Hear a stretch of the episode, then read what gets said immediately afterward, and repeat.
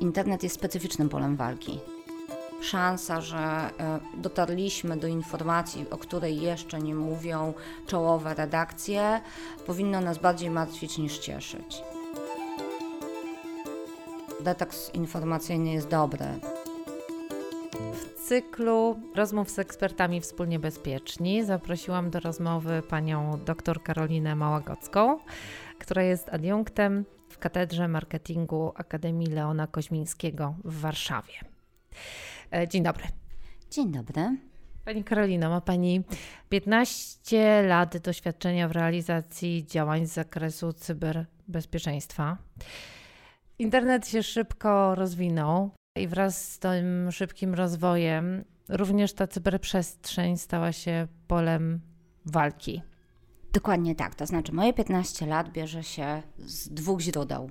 Po pierwsze, od ponad 15 lat jestem związana z branżą cyberbezpieczeństwa i tam nie tylko tworzymy rozwiązania do ochrony, ale też badamy to, co się w internecie dzieje dobrego i złego, a dzieje się mniej więcej pół na pół dobrego i złego. Od, od prawie 7 lat zajmuję się też badaniami nad tym, jak ludzie zachowują się w internecie, co, w co klikamy, czego nie klikamy, jakie dane udostępniamy. I obserwując od, od tego już dość długiego czasu e, internet, jak najbardziej mam takie przekonanie, że po pierwsze e, internet jest specyficznym polem walki. To znaczy, jak sobie wyobrażamy broń i to, co można komuś zrobić złego przy użyciu różnych narzędzi, to w internecie możemy to, znaczy to, co się dzieje w internecie, możemy porównać do broni masowego rażenia. Tam jedno zagrożenie dotyka naraz tysięcy, jeśli nie milionów ludzi. E, dlatego ta skala jest bardzo duża i dlatego to jest takie ważne. Dlatego też jedno słowo wypowiedziane w internecie dociera zwykle do dużo większej ilości odbiorców niż to, co nawet mówimy sobie w telewizji czy w radiu.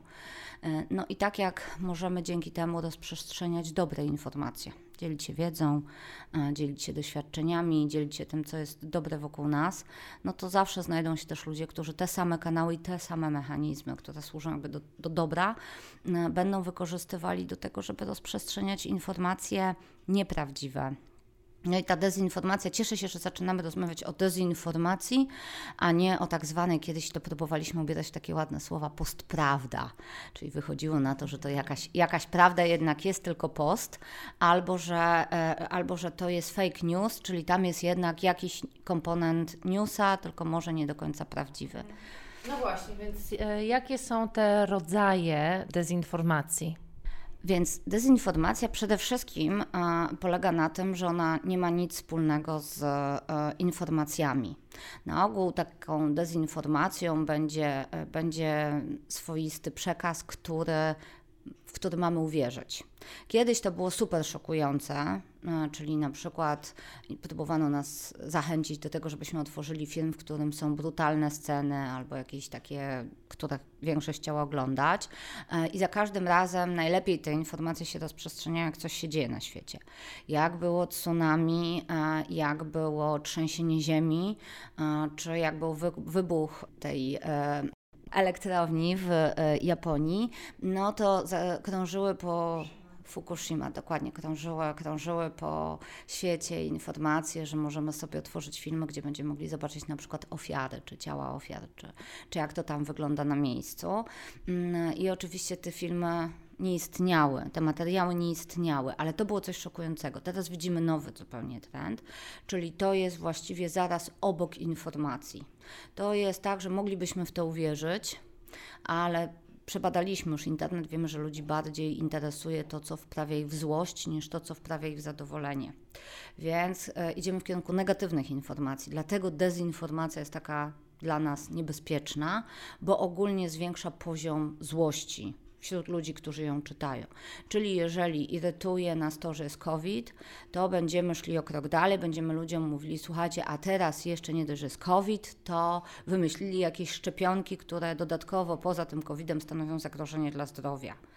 Jeżeli mamy kryzys związany z Ukrainą, e, no to będziemy mówili, słuchajcie, jest kryzys, jest wojna, ale jeszcze teraz przez naszą granicę będą przechodzili niebezpieczni ludzie więc to e, ma wzmagać tylko negatywne emocje wokół tej, e, tej danej sprawy. I teraz to możemy powiedzieć, tutaj będziemy wykorzystywali coś, co jest napisane, coś, co jest nagrane, albo niekoniecznie jest nagrane. E, czyli będziemy szli obok faktów, ale w kierunku negatywnych emocji. No, niestety też można wykorzystywać sztuczną inteligencję do tego i to już jest coraz bardziej zaawansowane technologicznie. No właśnie, czyli nawet mogą powstać materiały, w których e, osoba publiczna, ewidentnie to jest ona i mówi e, rzeczy, których nigdy w życiu nie powiedziała, tak? Tak, takie filmy z wykorzystaniem tak zwanych deepfake'ów. Deepfake no to jest takie głębokie, głęboka falsyfikacja, a nazwa sama wzięła się od te, e, tak zwanego deep learningu, czyli od głębokiego uczenia się maszynowego. Polega to na tym, że system e, algorytmów uczy się, jak dana osoba mówi, jak wygląda. E, jedna sieć tworzy te nieprawdziwe przekazy, druga sprawdza, na ile jest w stanie wykryć, że to jest nieprawdziwy przekaz i jak w pewnym momencie jest sztuczna inteligencja w stanie oszukać sztuczną inteligencję, to taki filmik trafia do sieci. Więc można powiedzieć, że on już jest niezłej jakości. I teraz po co to jest tworzone? No właściwie zaczęło się od jakiegoś wyz wyzwania na tak zwanym reddicie, czyli takiej takim miejscu w sieci, gdzie spotykają się geeki, czyli osoby zainteresowane szczególnie rozwojem nowych technologii. E, no i niestety powód nie był dobry od samego początku. Chodziło o podkładanie twarzy znanych aktorek do filmów pornograficznych i to był, miał być pomysł na zabawę taką swoistą. E, potem powstało z tego zagrożenie, które, o którym się już coraz częściej mówi, które zaczęło być nawet penalizowane w wielu miejscach na świecie. W Europie również mamy taką rezolucję, która mówi o tym, że zastosowanie e, właśnie sztucznej inteligencji do podkładania czyjejś twarzy i tak naprawdę chodzi o podkładanie twarzy osób do materiałów pornograficznych. To się nazywa porn revenge, tak? czyli mhm. taka, e, takie znęcanie się nad kimś, czy odgrywanie się nad kimś przy użyciu materiałów dla dorosłych. No można sobie wyobrazić, że to jest absolutny dramat dla osoby do, dotkniętej tego typu działaniami, niezwykle trudne do wyśledzenia bardzo trudne do udowodnienia komuś, e, no i oczywiście niosący duże duże koszty osobiste. No, możemy powiedzieć, że spełnia to pewnie w jakiś tam mm, zakresie normy przestępstwa, ciężkie do wyśledzenia, w związku z tym staramy się ograniczyć rozwój tej technologii. W e, jaki sposób? W Europie mamy rezolucję dotyczącą zastosowania tej technologii. Mówi się o niej jako technologii o ograniczonym ryzyku, czyli każdy, kto tą technologię rozwija i ją stosuje, powinien o tym informować. No, ale możemy się spodziewać, że skoro już raz ją wymyśliliśmy, to ją dalej rozwijamy. W Stanach Zjednoczonych mamy stany, stany gdzie jest w ogóle zakazane stosowanie tej technologii. W niektórych jest zakaz stosowania jej przed wyborami. E, ona była z powodzeniem stosowana w Stanach Zjednoczonych, tylko żeby ludziom uświadomić, że tak może być. Baracka Obama w ten sposób podłożono do filmów, który miał uświadamiać ludziom, że, że takie filmiki mogą powstawać. Potem znanych aktorów. W Indiach na przykład wybory, e, wybory wygrał pan, który nie mówił w języku jakimś lokalnym, który mówi lokalny język w Indiach to 10 milionów ludzi. No, ale powstał materiał, w którym on właśnie przemawia w tym języku. Także wydawało się dla nich to był duży argument, żeby na nim głosować. Więc można sobie wyobrazić, że coś, co dzisiaj oglądamy, mamy twarz człowieka, słyszymy jego głos, on ma mimikę, czy ona. E, no i to jest film, który w ogóle w ogóle powstał całkowicie w sztucznym środowisku, bez świadomości udziału tej osoby proszę zwrócić uwagę, że każdy z nas może być tym dotknięty. Dzisiaj ja tutaj już troszkę mówię do Państwa, no i macie Państwo próbkę mojego głosu. Prawdopodobnie można ściągnąć gdzieś filmik, w którym się też wypowiadam. W związku z tym nie będzie problemu, żeby taki, taki materiał ze mną stworzyć. I jesteśmy w sytuacji, w której niedługo filmy mogą być również zupełnie sfalsyfikowane. Czy w takim razie używanie tej technologii nie powinno być w ogóle zakazane? Problem mamy taki, że mm, sztuczna inteligencja w ogóle jest tą technologią, o której się mówi, że prawdopodobnie ma jeden z największych potencjałów na rynku. E, więc zakazanie jej jest trudne. E, a jeżeli już rozwijamy algorytmy i uczenie się algorytmów, no to równie dobrze te filmy mogą powstawać, czy te materiały mogą powstawać, możemy powiedzieć jako efekt uboczny. To jest tak samo jak mamy Twittera, i na tym Twitterze się komunikujemy, na tym Twitterze jest rozprzestrzeniana dezinformacja. TikToka, zresztą warto zwrócić uwagę, że w przypadku e, działań wojennych na Ukrainie TikTok był pierwszym, na którym w ogóle zaczęto szerzyć dezinformację. Pojawiły się krótkie filmiki z wyjącymi syrenami i płaczącymi ludźmi w tle. One miały przerazić młodych ludzi. To był chyba taki zamysł, który rozumiem mieli ci, którzy rozpoczęli tę kampanię. No właśnie, no właśnie, bo przy okazji wybuchu wojny na Ukrainie odnotowano olbrzymi wzrost tych prób dezinformacji, prawda? Nasz lokalny CERT mówi o 120 tysiącach e, dziennie różnego rodzaju informacji, które powinniśmy zaliczyć do dezinformacji. I czasami zasięg e, jest kilkudziesięciomilionowy. Tak, zasięgi budujemy my. To znaczy, to warto, warto zrozumieć, że mm, w przypadku każdego kryzysu, jaki by on nie był, e, lepiej jest nie dokładać cegiełki do szumu i, i to będzie dotyczyło absolutnie każdego kryzysu. Jeżeli będzie kiedykolwiek kryzys, który dotknie państwa jako policji, e, to też również dobrze jest nie komentować E, nawet jeśli ten komentarz ma być krytyczny, nawet jeśli wydaje nam się, że jesteśmy w stanie skomentować to w miarę merytorycznie i udowodnić, że tak nie jest, e, to dokładamy się do reakcji pod danym przekazem, co powoduje, że kolejny, kolejnym osobom się on wyświetla. Tak działają algorytmy, więc zdecydowanie lepiej jest ani nie klikać, ani nie klikać, że się nie lubi tego przekazu, ani go nie komentować, chyba że mamy takie głębokie przekonanie, że jesteśmy w stanie zmienić czyjeś postrzeganie, czyli jest to osoba, na którą realnie mamy wpływ. Obcy w internecie prawdopodobnie nie. Mm, bardzo dobrze jest też nie przekazywać takich informacji dalej, chyba że do moderatora forum albo do CERT-u, albo mamy teraz takie strony, które tworzą firmy, które zajmują się już monitorowaniem internetu, na przykład zgłośtrola.pl e, i to jest bardzo dobre miejsce, żeby tego typu osoby zgłaszać to wtedy tak, to wtedy to klikanie ma sens. Natomiast e, dla nas dobrze jest, żeby nie dokładać się do popularyzacji tego typu informacji. Mhm. Czyli nie komentowanie, nie prostowanie fałszywych informacji, to jest to, co by Pani bardziej polecała, jeżeli się rozprzestrzenia jakaś fałszywa, niedobra dla nas informacja, lepiej siedzieć cicho? Na pewno lepiej jest się zastanowić, czy faktycznie mamy tą moc, żeby ją prostować, czy to nie będzie tak, że skomentujemy raz. Prawdopodobnie ta nasza, ten nasz komentarz przepadnie w odmętach internetu, natomiast to do czego się dołożymy, to że kolejne osoby, które algorytmy oznaczają jako osoby podobne do nas, zobaczą tą informację. Nie nasi znajomi, osoby podobne do nas. Mm, dużo dobrego można zrobić, bo coraz częściej ta dezinformacja pojawia się w takich miejscach, w których się jej nie spodziewamy. Na przykład na forach, które się mm, ludzie organizują, bo coś lubią. Szczególnie tutaj podatne są te fora związane z zainteresowaniami. wędkarstwo, kolejarstwo, e, młode matki, nie wiem, w tej chwili bardzo popularne jest robienie różnego rodzaju rzeczy w domu. No i ludzie się tam ze sobą komunikują, dużo ze sobą rozmawiają. I tam nagle pojawia się informacja dotycząca wojny w Ukrainie, COVID-u, nie wiem, działań służb no i ta informacja jest nieprawdziwa. Więc tam, gdzie mamy duży wpływ na tą lokalną społeczność, e, warto taką informację skomentować. One się często tam właśnie dlatego pojawiają, że e, nadzieja jest taka, że dużo ludzi to przeczyta, bo jest zaangażowanych w to forum, a nie ma eksperta, który skomentuje tę informację w sposób prawdziwy. Ale to, co warto na pewno zrobić, to zgłosić taką e, próbę do moderatora, bo takie informacje po prostu nie powinny się tam pojawiać.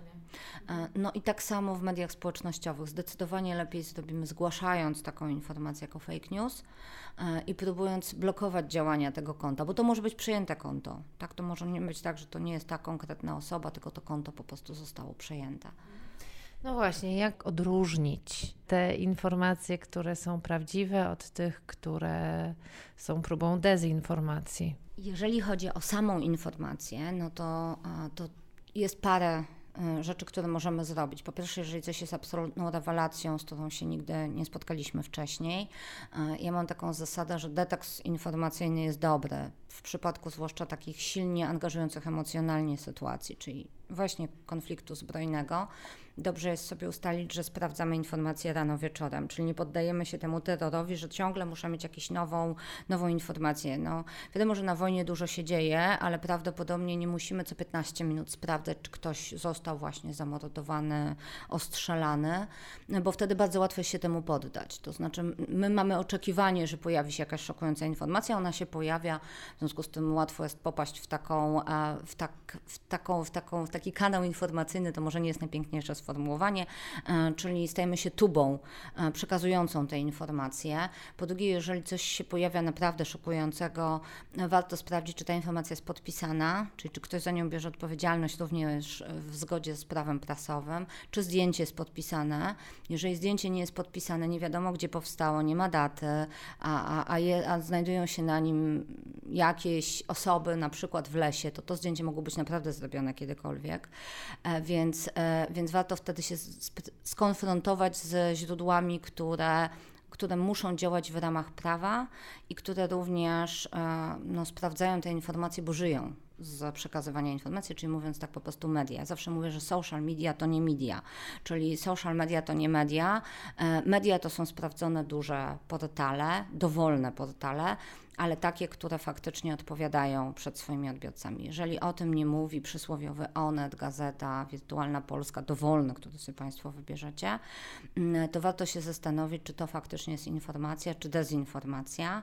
E, lepiej nie szerować, czytać dużo mniej, albo przynajmniej jakby nie, nie spodziewać się, że co chwilę te informacje będą szokujące nas zalewały. I to tyle, jeśli chodzi o dezinformację. Oczywiście zgłaszać, jeżeli już jesteśmy pewni, że to na pewno nie jest prawdziwa informacja. Jeśli chodzi o deepfake'i, czyli te informacje takie tworzone przez sztuczną e, inteligencję, tu jest dużo trudniej. Jest e, taka strona z angielskiego, ta osoba nie istnieje This Person Does Not Exist, gdzie można sobie oglądać zdjęcia, które są tworzone mm, przez sztuczną inteligencję na podstawie wielu milionów zdjęć dostępnych w internecie. Jeżeli potrzebny jest, potrzebne jest zdjęcie kobiety, mężczyzny, to możemy tam to zdjęcie sobie wygenerować. Co ciekawe, jest też taka strona o kotach e, i e, tam dopiero można się przekonać, jak ciężko jest uwierzyć, że ta osoba nie istnieje. To znaczy, to my mamy po polsku takie powiedzonko z twarzy podobny do nikogo, e, no i właśnie to wykorzystuje sztuczna inteligencja. Czyli tak naprawdę to już są takie niuanse, nie tak układająca się cienie na twarzy. Bardzo trudno jest podrobić okulary, to znaczy one zawsze wygląda jakby były sztucznie nałożone. Niezwykle ciężko jest podrobić kolor ust taki, żeby on faktycznie się nie wyróżniał, natomiast to już będą, będą szczegóły i trzeba bardzo uważnie wtedy taki filmik oglądać, żeby faktycznie dojść do tego, że ta twarz została wygenerowana sztucznie albo podłożona sztucznie e, pod dany materiał. Czy w związku z tym są już e, specjaliści, którzy zajmują się wykrywaniem, czy to jest jakby deepfake, czy, czy nie? Pewnie tak. Tak, są już takie osoby, które są w stanie to zrobić, czyli jesteśmy w stanie stwierdzić, że ten film jest spreparowany przez sztuczną inteligencję. To prawda, natomiast z poziomu użytkownika internetu, który tylko film odtwarza, jest to praktycznie niemożliwe. Mhm. Mhm. Od lat 90. już są takie portale, które mają za zadanie śledzić, rozgryzać i badać, czy dana informacja jest prawdziwa, czy nie. A jakie portale tego typu poleciłaby Pani na naszym polskim rynku? Mamy trochę tych portali. E, to jest tak zwane fact-checkingowe e, i e, faktycznie one działają lepiej w języku angielskim, bo też użytkowników i informacji, które są w języku angielskim w sposób proporcjonalnie więcej. Niemniej są już stworzone też po polsku.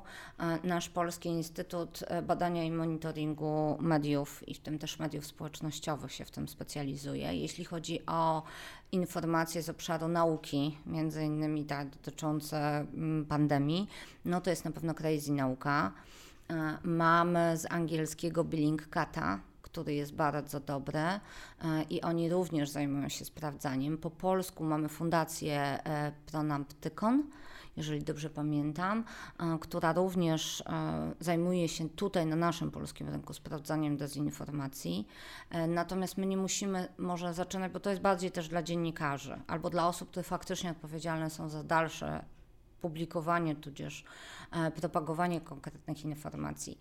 E, jako użytkownicy myślę, że wystarczy, jeżeli będziemy sprawdzali, czy ktoś się pod tą informacją podpisał, e, czy faktycznie inni publikują tą samą informację. W dzisiejszych czasach serwisy prasowe działają świetnie, to znaczy prawdopodobnie szansa, że dotarliśmy do informacji, o której jeszcze nie mówią czołowe redakcje, powinno nas bardziej martwić niż cieszyć.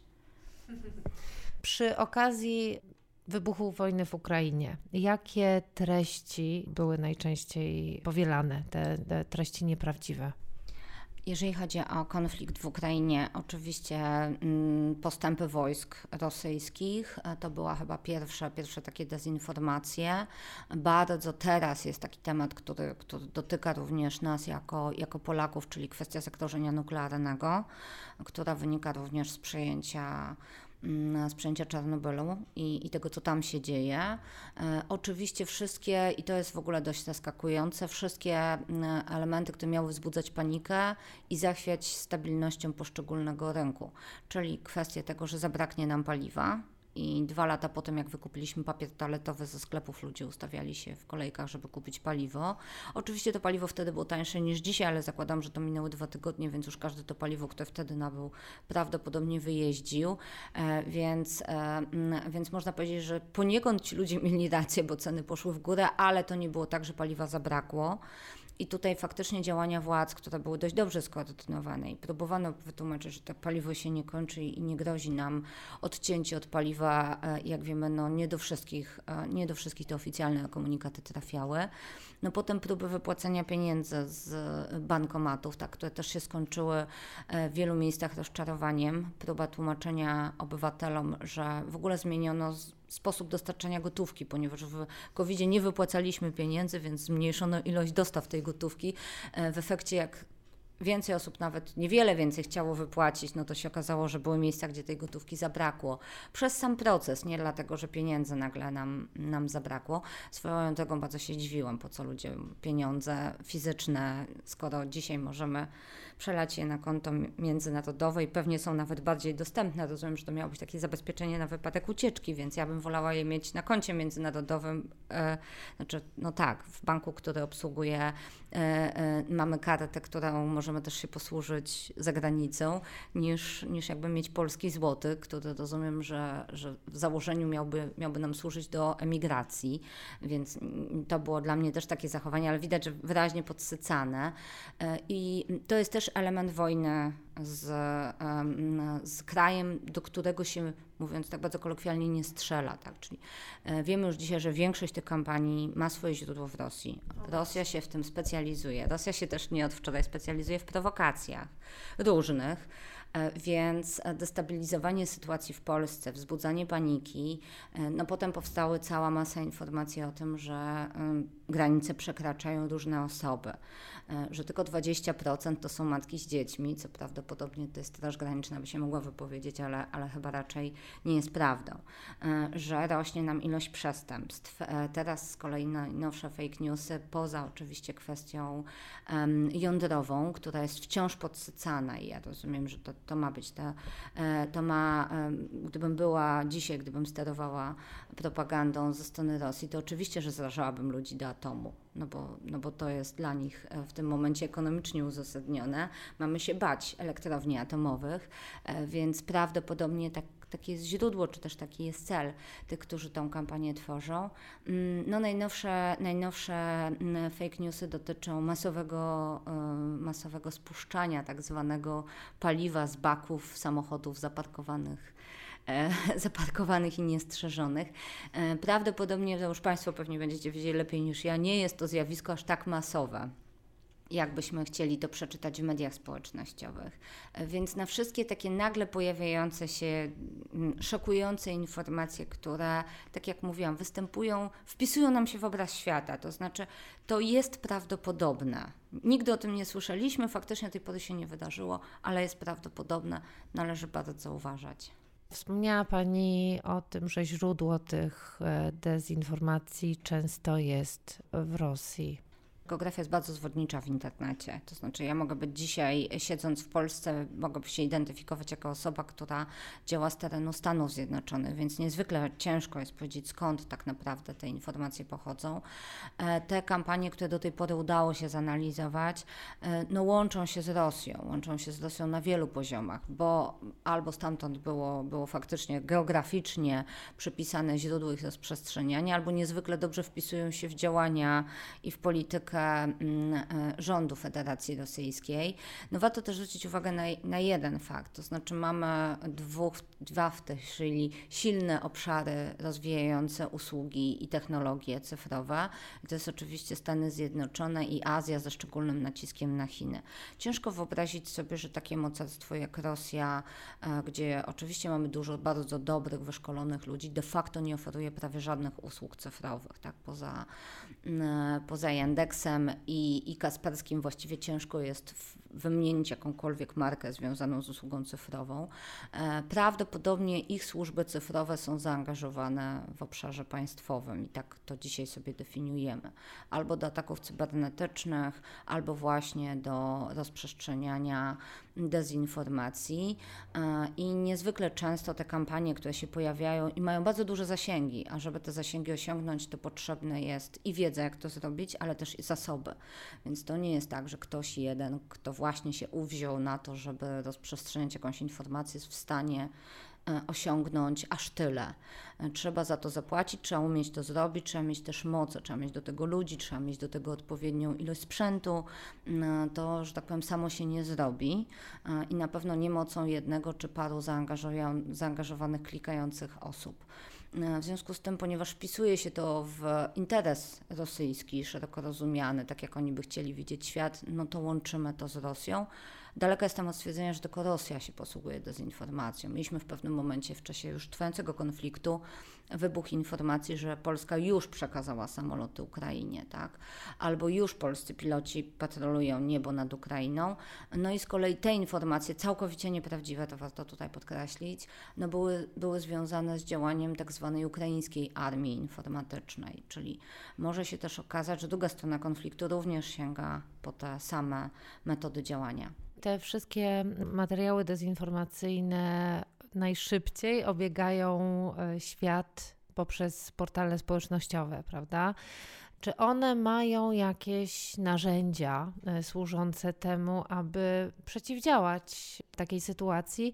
Bo wiemy również, że ponieważ ta dezinformacja powoduje w nas uczucia silne, więc jesteśmy bardziej aktywni, więc tak naprawdę im na rękę idziemy bo jakby na właśnie aktywizacji naszej tym portalom zależy. To na czym dzisiaj najbardziej, co tak naprawdę sprzedaje Facebook, czy, czy, czy im podobne portale, to nawet nie jest nasz czas, tylko nasza uwaga. Mówi się, że dzisiaj właściwie uwaga jest tym, co mamy ograniczony każdy z nas zasób i im więcej tej uwagi naszej te portale przyciągną, e, tym więcej mogą sprzedać również reklamodawcą. Nie jest więc dziwne, że Facebook już od 2015 roku, a nawet niektórzy mówią, że wcześniej, prowadził badania nad tymi najbardziej angażującymi treściami. E, również sprawdzając, czy jeżeli jesteśmy smutni, to jeżeli wyświetlą nam więcej smutnych informacji, to będziemy jeszcze bardziej smutni i w efekcie będziemy, będziemy jeszcze więcej uwagi i czasu poświęcać Facebookowi. E, no i pewnie nie zdziwię Państwa, że dokładnie tak jest. Im bardziej negatywne nam towarzyszą emocje, to okazuje się, że jeszcze podkręcanie tych negatywnych emocji powoduje, że my jesteśmy jeszcze bardziej zaangażowani o dziwo nie działa to w drugą stronę. To znaczy, że jesteśmy zadowoleni, szczęśliwi i weseli, wyświetlanie nam jeszcze więcej, jak to się ładnie mówi, materiałów e, z obszaru Hello Kitty wcale nie powoduje, że będziemy spędzali tam więcej czasu. Okazuje się, że wtedy mamy ochotę na wychodzenie z domu, spotykanie się z ludźmi mm, i tak dalej. I inne przyjemności, również w tym przyjemności dorosłego człowieka, więc to nas odciąga od Facebooka. W związku z tym, e, oczywiście Facebook mając do dyspozycji miliony użytkowników na całym świecie, będzie się skupiał na tych, których jest w stanie przyciągnąć i zatrzymać na dłużej. I ten mechanizm się nakręca. Więc z tego mechanizmu korzystają również ci, którym zależy na tym, żeby jak najszerzej ta informacja dotarła. E, trochę wróciłabym do, te, do tej masowego rażenia, e, że jeżeli informacja jest irytująca, podkręcająca nasz zły nastrój albo złość, no to mamy szansę, że dużo ludzi ją nie dość, że, że, że, że zatrzyma na niej wzrok, a są 3 sekundy. Jak my skrolujemy Facebooka, to jest dosłownie 3, od 2 do 3 sekund się dzisiaj liczy, żeby człowiek się zainteresował informacją. E, więc e, oczywiście zatrzymuje się nasz wzrok, potem e, nawet czasem nie czytamy i to jest najgorsze, czytamy tylko tą krótką, ten krótki opis i mówimy fajnie, to ja będę tą osobą, która poda to dalej, bo jako pierwszy, pierwsza do tej informacji dotarłem. No i w ten sposób napędzamy cały mechanizm. Także jak najbardziej media społecznościowe się do tego bardzo przyczyniają. Teraz pomału zaczynają walczyć z dezinformacją, ponieważ e, coraz częściej e, są i oskarżane z jednej strony o to, że wpływają negatywnie na, na procesy społeczne. Oczywiście naj, najbardziej to zainteresowało polityków wtedy, kiedy negatywnie wpływali na wyniki wyborów i daje się to już coraz częściej policzyć, e, ale też coraz częściej są, są oskarżane o to, że właśnie propagują e, tego typu ruchy. No, rozmawialiśmy w pandemii o ruchach antyszczepionkowych, o, o, o w ogóle ruchach antykowidowych. E, teraz będziemy rozmawiali prawdopodobnie o różnego rodzaju interpretacji e, działań wojennych, które zostały podjęte. Myślę, że przed nami jeszcze kryzys ustalania tego, kto tutaj faktycznie jest ofiarą w tym konflikcie.